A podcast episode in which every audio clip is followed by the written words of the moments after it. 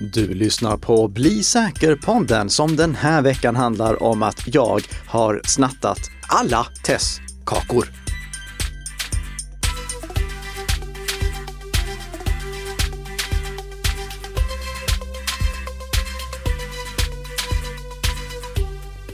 God morgon, god morgon Tess. God morgon, god morgon Nicke. Är inte det ganska taskigt att snatta alla mina kakor? Om du är snäll kanske du får tillbaka någon. Okej, Mm, okej. så det, det, det ska du definitivt vara här i Bli säker-podden som produceras i samarbete mellan Nika Systems och Bredband2.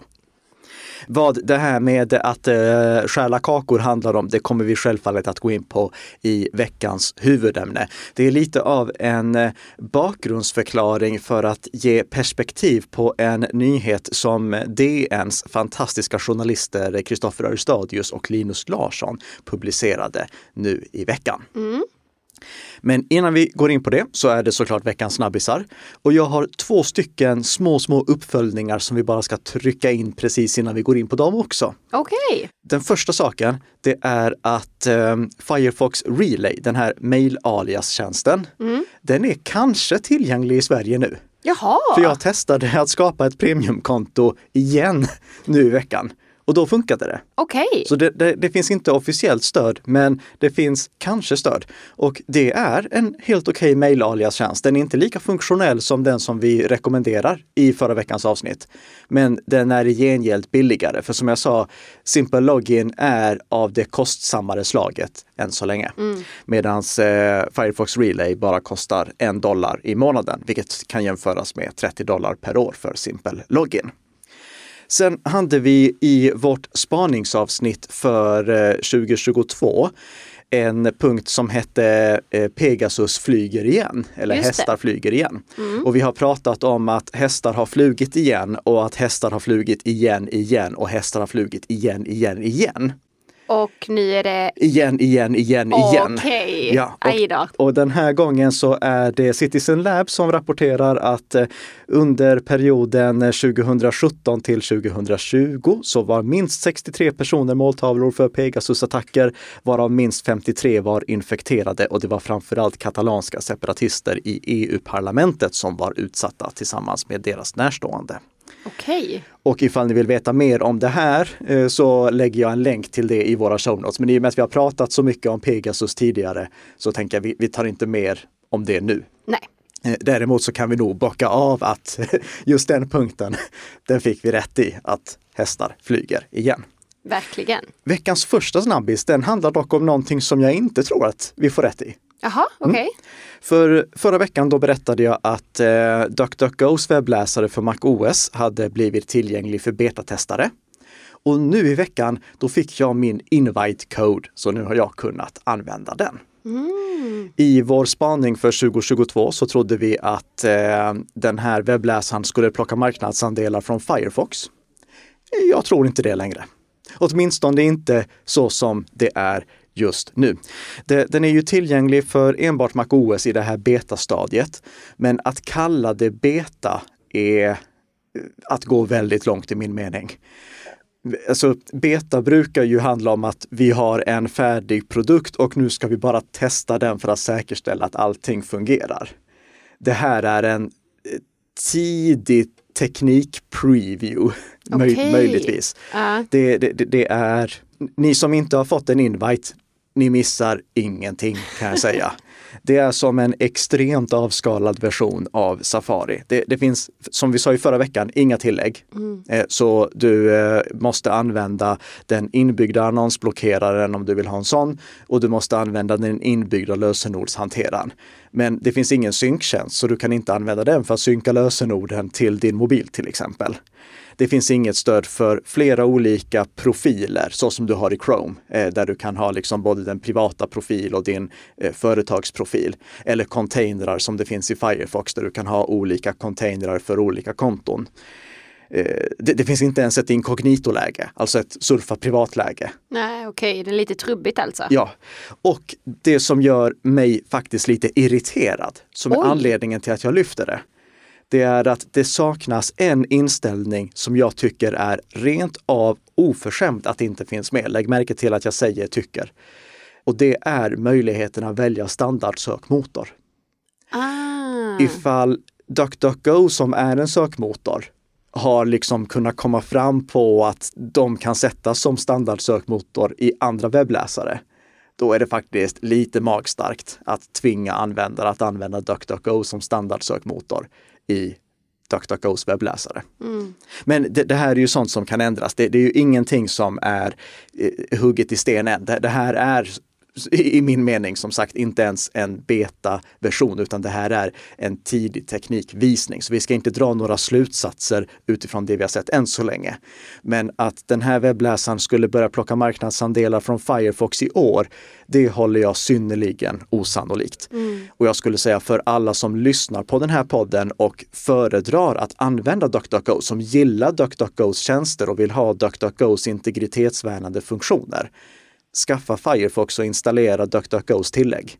Då får du någonting som är mycket, mycket mer funktionellt. Ja. Du får samma sak fast mycket, mycket mer funktionellt.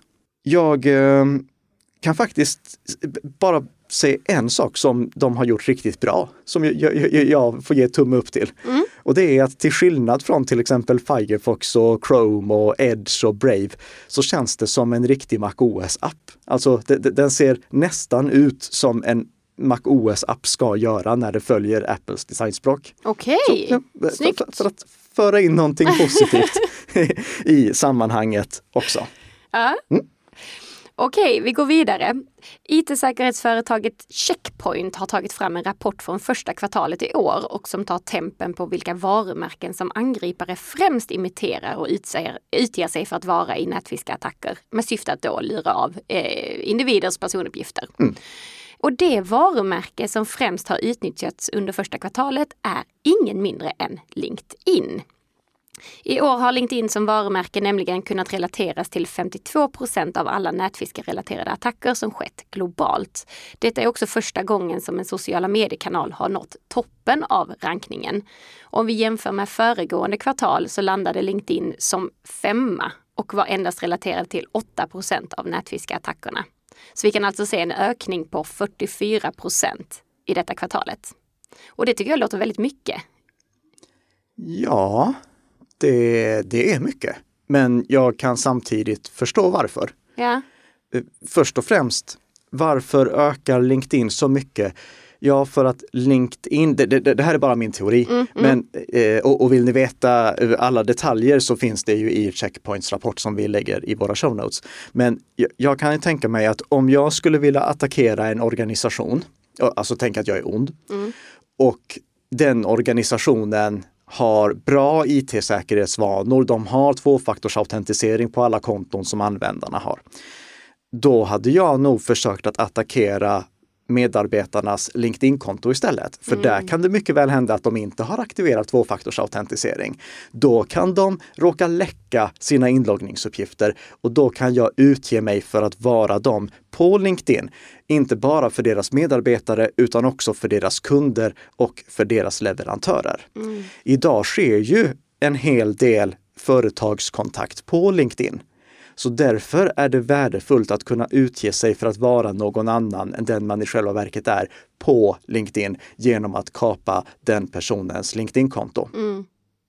Jag har till och med själv fått meddelanden från personer som jag har kontakt med på LinkedIn som jag har sett att okej, okay, det här är ett försök att lura mig att göra någonting. Okay. Och det har då berott på att de har varit eh, kapade. De mm. har råkat läcka sitt användarnamn och lösenord. Ja. Så det som eh, alla lyssnare bör göra med anledning av det här, det är att dels vara extra observanta. Om det kommer till exempel ett mejl där det står att eh, person NN vill ha kontakt med dig på LinkedIn. Mm. Och det kan vara smickrande inbjudningar. Det, är, det kan vara riktigt smickrande texter som ja. står där att oh, vi har sett hur duktig du är, bla bla bla. bla, bla, bla. och, och, då är det lätt att liksom... Åh, oh, ja, ja, tack så mycket. Liksom. Mm. Men kom ihåg, får ni en sån förfrågan via mail ignorera den, logga in på LinkedIn och kolla ifall förfrågan finns där eller inte. Mm. Och sen självfallet se till att aktivera tvåfaktorsautentisering på ditt LinkedIn-konto. Mm. Mm. Superviktigt. Ja. Kan bara på, eh, eller nämna också att eh, det är ett väldigt stort glapp till nummer två här och det är DHL på Mm. 14 procent och sen så kommer då Google på 7 procent och Microsoft och Fedex på 6 procent. Ja. Och det är väl också lite det här kanske med relevansen, just alltså med DHL tänker jag, om att det är mycket mer nätfiskeförsök kring jul. Just Och det. därför är det kanske inte nu i det här första kvartalet i år. Exakt. Mm. När vi har beställt julklappar då väntar alla på att få någon typ av leveransbesked, till exempel Mm. från DHL. Och då är det ju ett ypperligt tillfälle för bedragare att skicka falska DHL-mail. Ja, nu är det inte lika effektivt. Nej. Men det blir det. Det blir det, det kommer, det när kommer det närmar sig igen. jul igen. För det blir jul igen, igen och igen. För att citera just det. Du vet, de gjorde ju inte bara jul igen utan också jul igen igen. Okej, över till dig Nicka. Ja, nu ska vi prata om en produkt som inte har sålts i Sverige. Okej, Men vi ska göra det eftersom att liknande produkter har sålts i Sverige. Och det här är ett problem som vi kommer se med produkter som säljs i Sverige. Och ni som har lyssnat på podden tidigare, ni kommer tycka att det här låter bekant. I fredags, då eh, försvann plötsligt företaget Instion från världens yta. Och vilka är Instion? Jo, Instion är en stor tillverkare av eh, smarta hemprodukter. Alltså till exempel lampknappar och liknande för att automatisera sitt smarta hem så som väldigt många vill göra och som jag har gjort, vilket har höjt min livskvalitet, om vi kan säga så, eh, i, i stor utsträckning. Att eh, till exempel ha färdigbryggt kaffe på morgonen och gardiner som automatiskt åker upp. Men Instion, de har inte varit stora i Sverige som sagt, utan det har framförallt varit på andra sidan Atlanten de har eh, satsat och där satsade de rejält. De var till och med en av de två lanseringspartnersen som Apple hade när de lanserade HomeKit, alltså Apples eh, lösning för att styra smarta hemsystem. okej. Men i fredags, då slutade deras eh, servrar att svara. Så folk som hade köpt deras smarta hemsystem eller köpt Instions smarta hemsystem, de kunde plötsligt inte styra sina smarta hem. Och när de skulle gå in i forumet och kolla vad, vad, är det som har hänt, då var forumet borta. Va? Ja, bortplockat. Stacy Higginbotham som driver en sajt som heter Stacy on IoT med en tillhörande podcast som jag också kan rekommendera. Hon eh, gjorde ett litet grävjobb och upptäckte att eh, cheferna hos Instion, flera chefer, hade plockat bort att de jobbat hos Instion från sina LinkedIn-profiler. Men vadå, så de har bara raderat sig själva från marknaden? Ja, det, vdn har till och med nu igår när jag kollade inför det här, har plockat bort hela sitt LinkedIn-konto. Oj! Och vad var det som hade hänt här? Jo, Instion hade helt enkelt fått kasta in handduken. Och eftersom det här var en smarta hemlösning som förutsatte att det fanns en molntjänst för att användarna skulle kunna styra sitt smarta hem och få automatiseringarna köra och eh, uppdatera produkterna, så slutade de smarta hemmen att fungera. Vi har ju tidigare i podden rekommenderat att om man satsar på smarta hemprylar så ska det vara smarta hemprylar som använder tillverkaröverskridande kommunikationssätt, till exempel Zigbee eller eh, Z-Wave. För i så fall så kan användaren som drabbas av att eh, produkttillverkaren plötsligt försvinner från jordens yta åtminstone bara byta ut själva hubben. Behöver inte byta ut varenda liten fjärrströmbrytare utan bara hubben. Hitta en hubb som fungerar med de smarta hemprylar som finns runt omkring i hemmet. Men Instion, de hade sin egen teknik som de marknadsförde som bättre än Zigbee och Z-Wave. Åh nej. Och det innebär ju att nu finns det ingen annan hubb att byta till. Aj då. Ja. Så här har vi ytterligare ett exempel på inlåsning inom smarta hem och varför det är så viktigt för driftsäkerheten och underhållet att välja öppna lösningar. Lyckligtvis så kommer eh, entusiasterna som ligger bakom Home Assistant, som är det troligtvis största smarta hemprojektet kring hemautomatisering. De kommer in som en liten räddande ängel. För eh, om en till två veckor, då kommer det en uppdatering som gör att den som skaffar en Home Assistant hubb kommer kunna låta den hubben kommunicera med Instion-hubben och därigenom skicka vidare alla kommandon. Så det, det, det finns en, en liten lösning på det här problemet. Men jag vill ändå passa på att påminna alla att se till att använda öppna lösningar i största möjliga utsträckning för att säkra driftsäkerheten av ert smarta hem. Yes!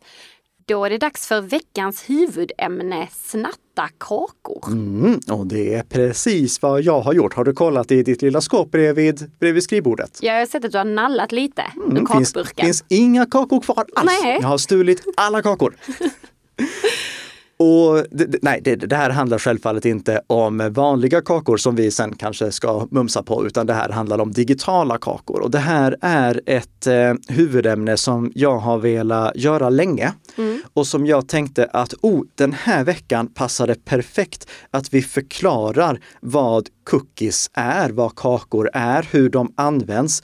För i onsdags då publicerade Linus Larsson och Kristoffer Örstadius på Dagens Nyheter den här artikeln som jag hänvisade till i inledningen. Artikeln heter Genesis såld identitet och handlar om hur eh, Kristoffer Örstadius och Linus Larsson hade kunnat få åtkomst till närmare 6 000 svenskars datorer mm. Närmare bestämt informationen som fanns där.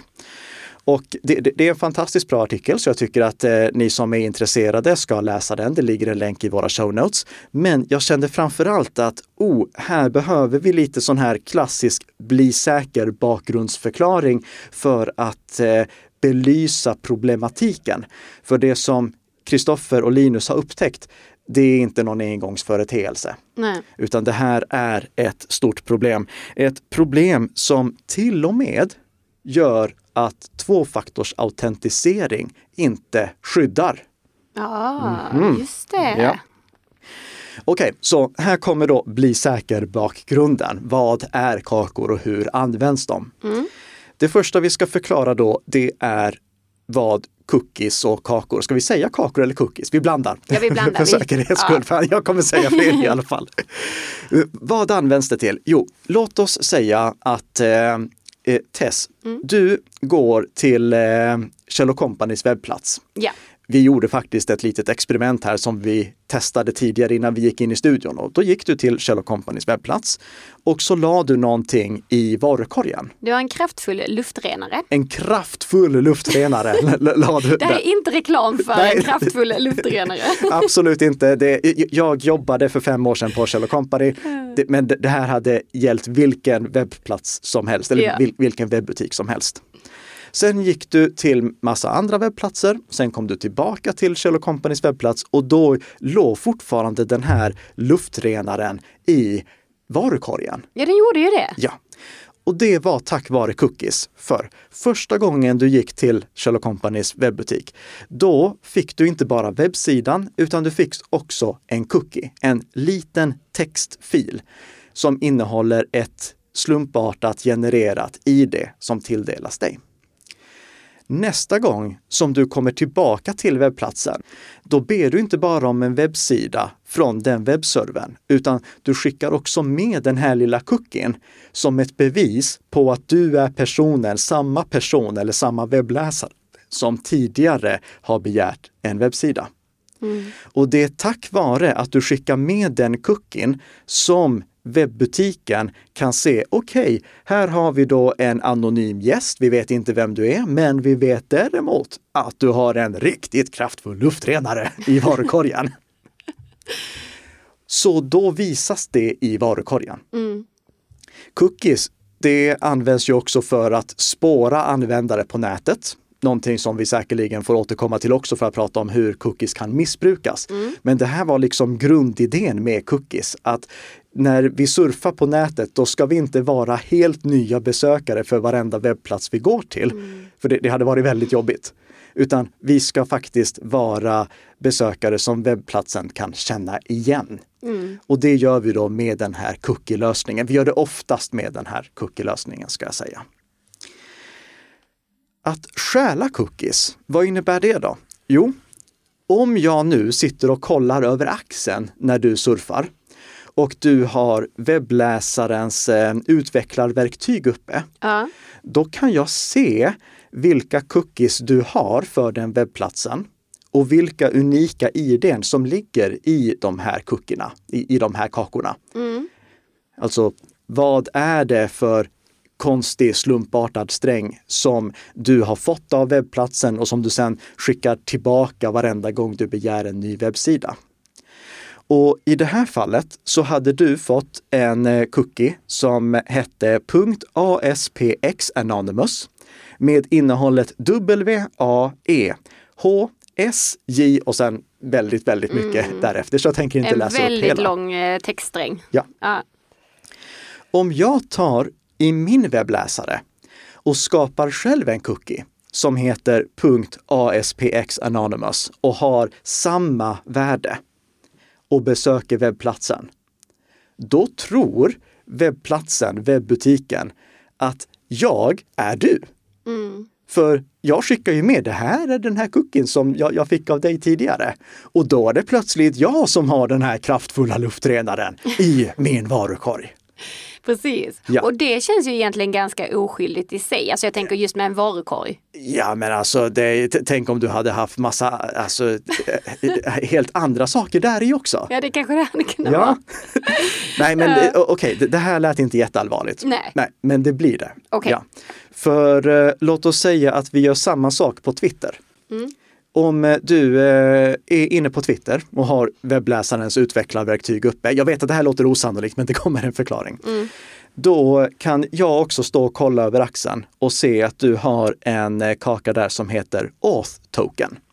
Och det är för att när du gick till Twitter, loggade in, för att du skulle slippa logga in gång på gång på gång på gång, så fick du en liten cookie som hette Auth Token med ett värde som vi inte ska läsa upp nu. Nej.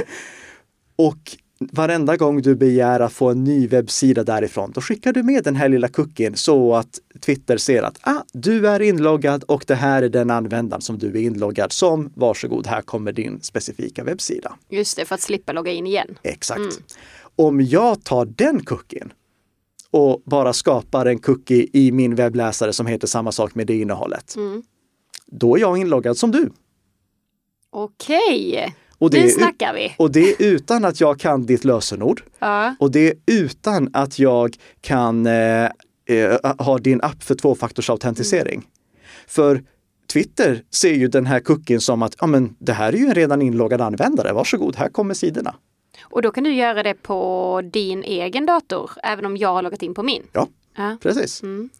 Det här är lite mer problematiskt. Ja. Alltså att om någon angripare kommer över en användares cookies, då kan, användaren, eh, då kan angriparen utge sig för att vara honom eller henne på de webbplatser där användaren är inloggad.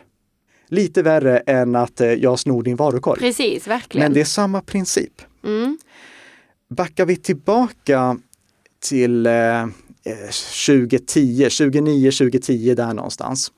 Då hade vi ju inte säkra anslutningar på samma sätt som vi har idag. Det är ju tack vare framförallt Let's Encrypt som vi har säkra anslutningar över nästintill hela webben av den del av webben som vi använder. Men då var det vanligt att när vi loggade in på en webbplats, till exempel Facebook eh, eller Twitter, Mm. då gjordes det över en säker anslutning. Men sen så skickades resten av informationen, alltså när vi bortser från bara användarnamn och lösenord, det skickades över en osäker anslutning. Alltså inte en HTTPS-anslutning. Nej. Det var till och med så att i Facebooks inställningar, då kunde du välja att inte ha HTTPS aktiverat hela tiden för att om du hade det så funkade inte spel som typ Farmville eller någonting sånt. Mm. Det, det var för övrigt en inställning som jag sa åt alla, gå, gå in och ha alltid HTTPS-säkra anslutningar påslaget. Men det var inte det som standard. Och då fanns det ett tillägg till eh, Firefox som hette Firesheep som kunde användas för att avlyssna inloggningssessioner på samma nätverk som man befann sig. Alltså om en användare gick till eh, Facebook eller Twitter och valde att eh, logga in. Då skedde det över en säker anslutning. Det är inte någonting som någon kunde avlyssna. Men i och med att de här efterföljande förfrågningarna gick över osäkra anslutningar, då skickades de här kakorna över osäkra anslutningar. Och om de skickas över osäkra anslutningar, då kan en angripare på samma nätverk snappa upp dem. Mm. Och i och med att de kunde snappa upp kakorna så var de därefter inloggade. Ja. Det, det här har självfallet eh, både Twitter och eh, Facebook nu täppt till så mm. att det inte mm. går att göra genom att helt enkelt alltid använda säkra anslutningar. Och att skicka sådana här inloggningssessionskakor över osäkra anslutningar, det var rent vansinne från första början. Men det, det är tilltäppt nu. Mm. När det gäller bankerna, då har de lite högre säkerhet än så här. För bankerna förstår att det är väldigt allvarligt att någon bara kan stjäla en cookie och sen vara inloggad som honom eller henne på sociala medier. Det ska inte gå att göra på internetbanken. Så ifall någon skulle försöka göra samma sak mot din internetbank, då hade det troligtvis inte funkat. Och det är för att banken och webbplatser som har extrema säkerhetskrav, de kan jämföra ditt fingeravtryck i webbläsaren med det fingeravtrycket som du hade tidigare. Mm -hmm.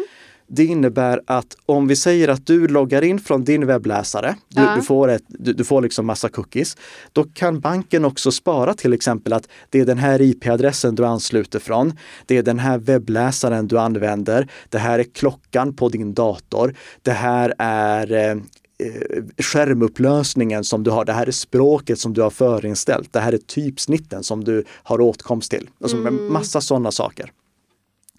Om någon skulle stjäla cookies från din dator och sen försöka logga in eller försöka fortsätta på en befintlig inloggning, då kan banken se att nej men vänta, det här den här webbläsaren, det är ju inte samma som vi gav kucken till. Ah. Vi gav kucken till en Google Chrome-webbläsare. Nu kommer någon fjant här från en Firefox-webbläsare. Då måste man alltså ticka alla de boxarna i så fall? Ja, det, mm. och jag, jag, har inte insikt i hur alla Nej, banker arbetar, såklart. men det, det, här är någonting som de kan göra. Mm. Och, och, jag provade att stjäla mina egna Handelsbank-inloggningar. Det äh. gick inte. Det, så Handelsbanken hade koll på det här. Så där finns det i alla fall lite skydd. Och det är ju tur. Men det är inte säkert att det hjälper hela vägen. Det hjälper i stor utsträckning, men inte hela vägen på grund av det som nu då Dagens Nyheter rapporterade om. För Genesis Market, det är en marknadsplats som typ Blocket, mm. där bottar, och nu är det inte bottar som i automatiska attackverktyg vi pratar om, utan infekterade datorer som en angripare kan klona allting ifrån. Alltså, en dator har blivit infekterad. Den datorn rapporterar då via det här spionprogrammet som den har fått på sig till Genesis Market vilken webbläsare det är, vilken skärmupplösning det är, vilka språk som är förinstallerade. I kombination med sådana här inloggningskakor och alla lösenord och sånt som går att komma över också. Mm. Sen kan en angripare köpa den här botten på Genesis Marketplace och då vet angriparen exakt vad det är som han eller hon ska fejka sin inloggningssession med. Aha. Och det här är någonting som till och med Genesis Market har gjort lätt för angriparna att göra. För de har tagit Google Chrome, mm. eller Chromium-grunden, och gjort en egen webbläsare som heter Genesis Browser. Och den webbläsaren som vid närmare eftertanke inte heter exakt Genesis browser. Den heter något liknande. Gen Genesium browser heter den. Genesium browser. Ja, det var ändå nära. Ja, Genesium browser. Den kan då automatiskt anpassa sig för att lura webbplatser att användaren som ansluter, i det här fallet då angriparen, har de inställningar som är klonade från den infekterade botten. Aha. Och då kan de här sakerna kringgås också, förutom IP-adressen. Eh, den kan inte klona IP-adressen. Däremot så skulle eh, angriparen kunna se att den här datorn, den befann sig i Malmö. Så då skulle de kunna byta till en annan IP-adress i Malmö genom att tunnla trafiken via en VPN-tjänst dit. Mm. Så det, det, det går att kringgå lite grann på det sättet. Och det här är det då som Kristoffer Örstadius och Linus Larsson har rapporterat om. Att åtkomst till 400 000 datorer, närmare 6 000 svenskars datorer, är ute på den här Genesis Market marknadsplatsen. Där kan angripare köpa informationen om de här datorerna, inklusive alla lösenord som finns uppsnappade. Ifall de bara vill logga in som en ny användare, då behöver de inte fejka vem de är. Det, i, I och med att det här är eh, spionprogram som automatiskt uppdaterar också allting som sker på datorn så kan eh, en användare som drabbas inte bara byta lösenord för att bli av med problemet. För det nya lösenordet rapporteras också ah, in till nej. Genesis Market. Aj då. Så det här är en eh, riktigt jobbig situation för de som är drabbade. Ja. Vad kan man då göra åt det här? Ja, vi har flera gånger pratat om att eh, det ska finnas ett eh, klientskydd, populärt kallat antivirus på datorn, som gör kontinuerliga skanningar av vad som finns på datorn. Och jag vet att det finns många som säger, nej men jag skannar alla filer innan jag installerar dem så jag behöver inte ha något som kör hela tiden på min dator. Men det här är anledningen till mm. varför du behöver ha något som övervakar datorn kontinuerligt för att se ifall det har kommit in något skadeprogram på datorn. Då behöver du någonting som ligger i bakgrunden och skannar och upptäcker om det finns spionprogram. Och sen också ifall eh, du märker att någonting är underligt. Du får upp en notis om att du har loggat in från ett annat ställe på Facebook till exempel. Eh, på Facebook så har du en inloggningslogg över var du har loggat in. Får du upp notiser där om att du har loggat in från ställen som du inte känner dig bekant med, ta då och välj att logga ut från alla ställen så att du stänger ute den här angriparen skanna datorn så att det inte finns några skadeprogram på den. Byt lösenorden, aktivera tvåfaktorsautentisering. För kom ihåg, bara för att jag säger att det här kan användas för att kringgå tvåfaktorsautentisering betyder inte att inte tvåfaktorsautentisering skyddar. Alltså, det, det, skyddar ju mot alla attacker där man bara råkar läcka sitt lösenord. Mm. Men det skyddar inte i just den här attacken ifall angriparna kan stjäla dina kakor. Men för att de ska kunna göra det, då behöver de antingen stå och titta över axeln så som jag gjorde med Tess mm. inledningsvis, mm. eller ha faktisk åtkomst till din dator genom till exempel ett sådant här spionprogram. Just det. Ja. Så se till att ha alla varningar på allvar. Se till att eh, ha ett eh, klientskydd, populärt kallat antivirus på datorn. Och se till att vara restriktiv med vad du installerar på datorn. För det vanligaste sättet som den här typen av spionprogram kommer in på datorn, det är ju fortfarande genom att man råkar infektera sig själv. Genom att, ja, oh, titta här finns en krackad version av Photoshop, jag provar att installera den. Mm. Och sen så finns skadeprogram på datorn. Ja.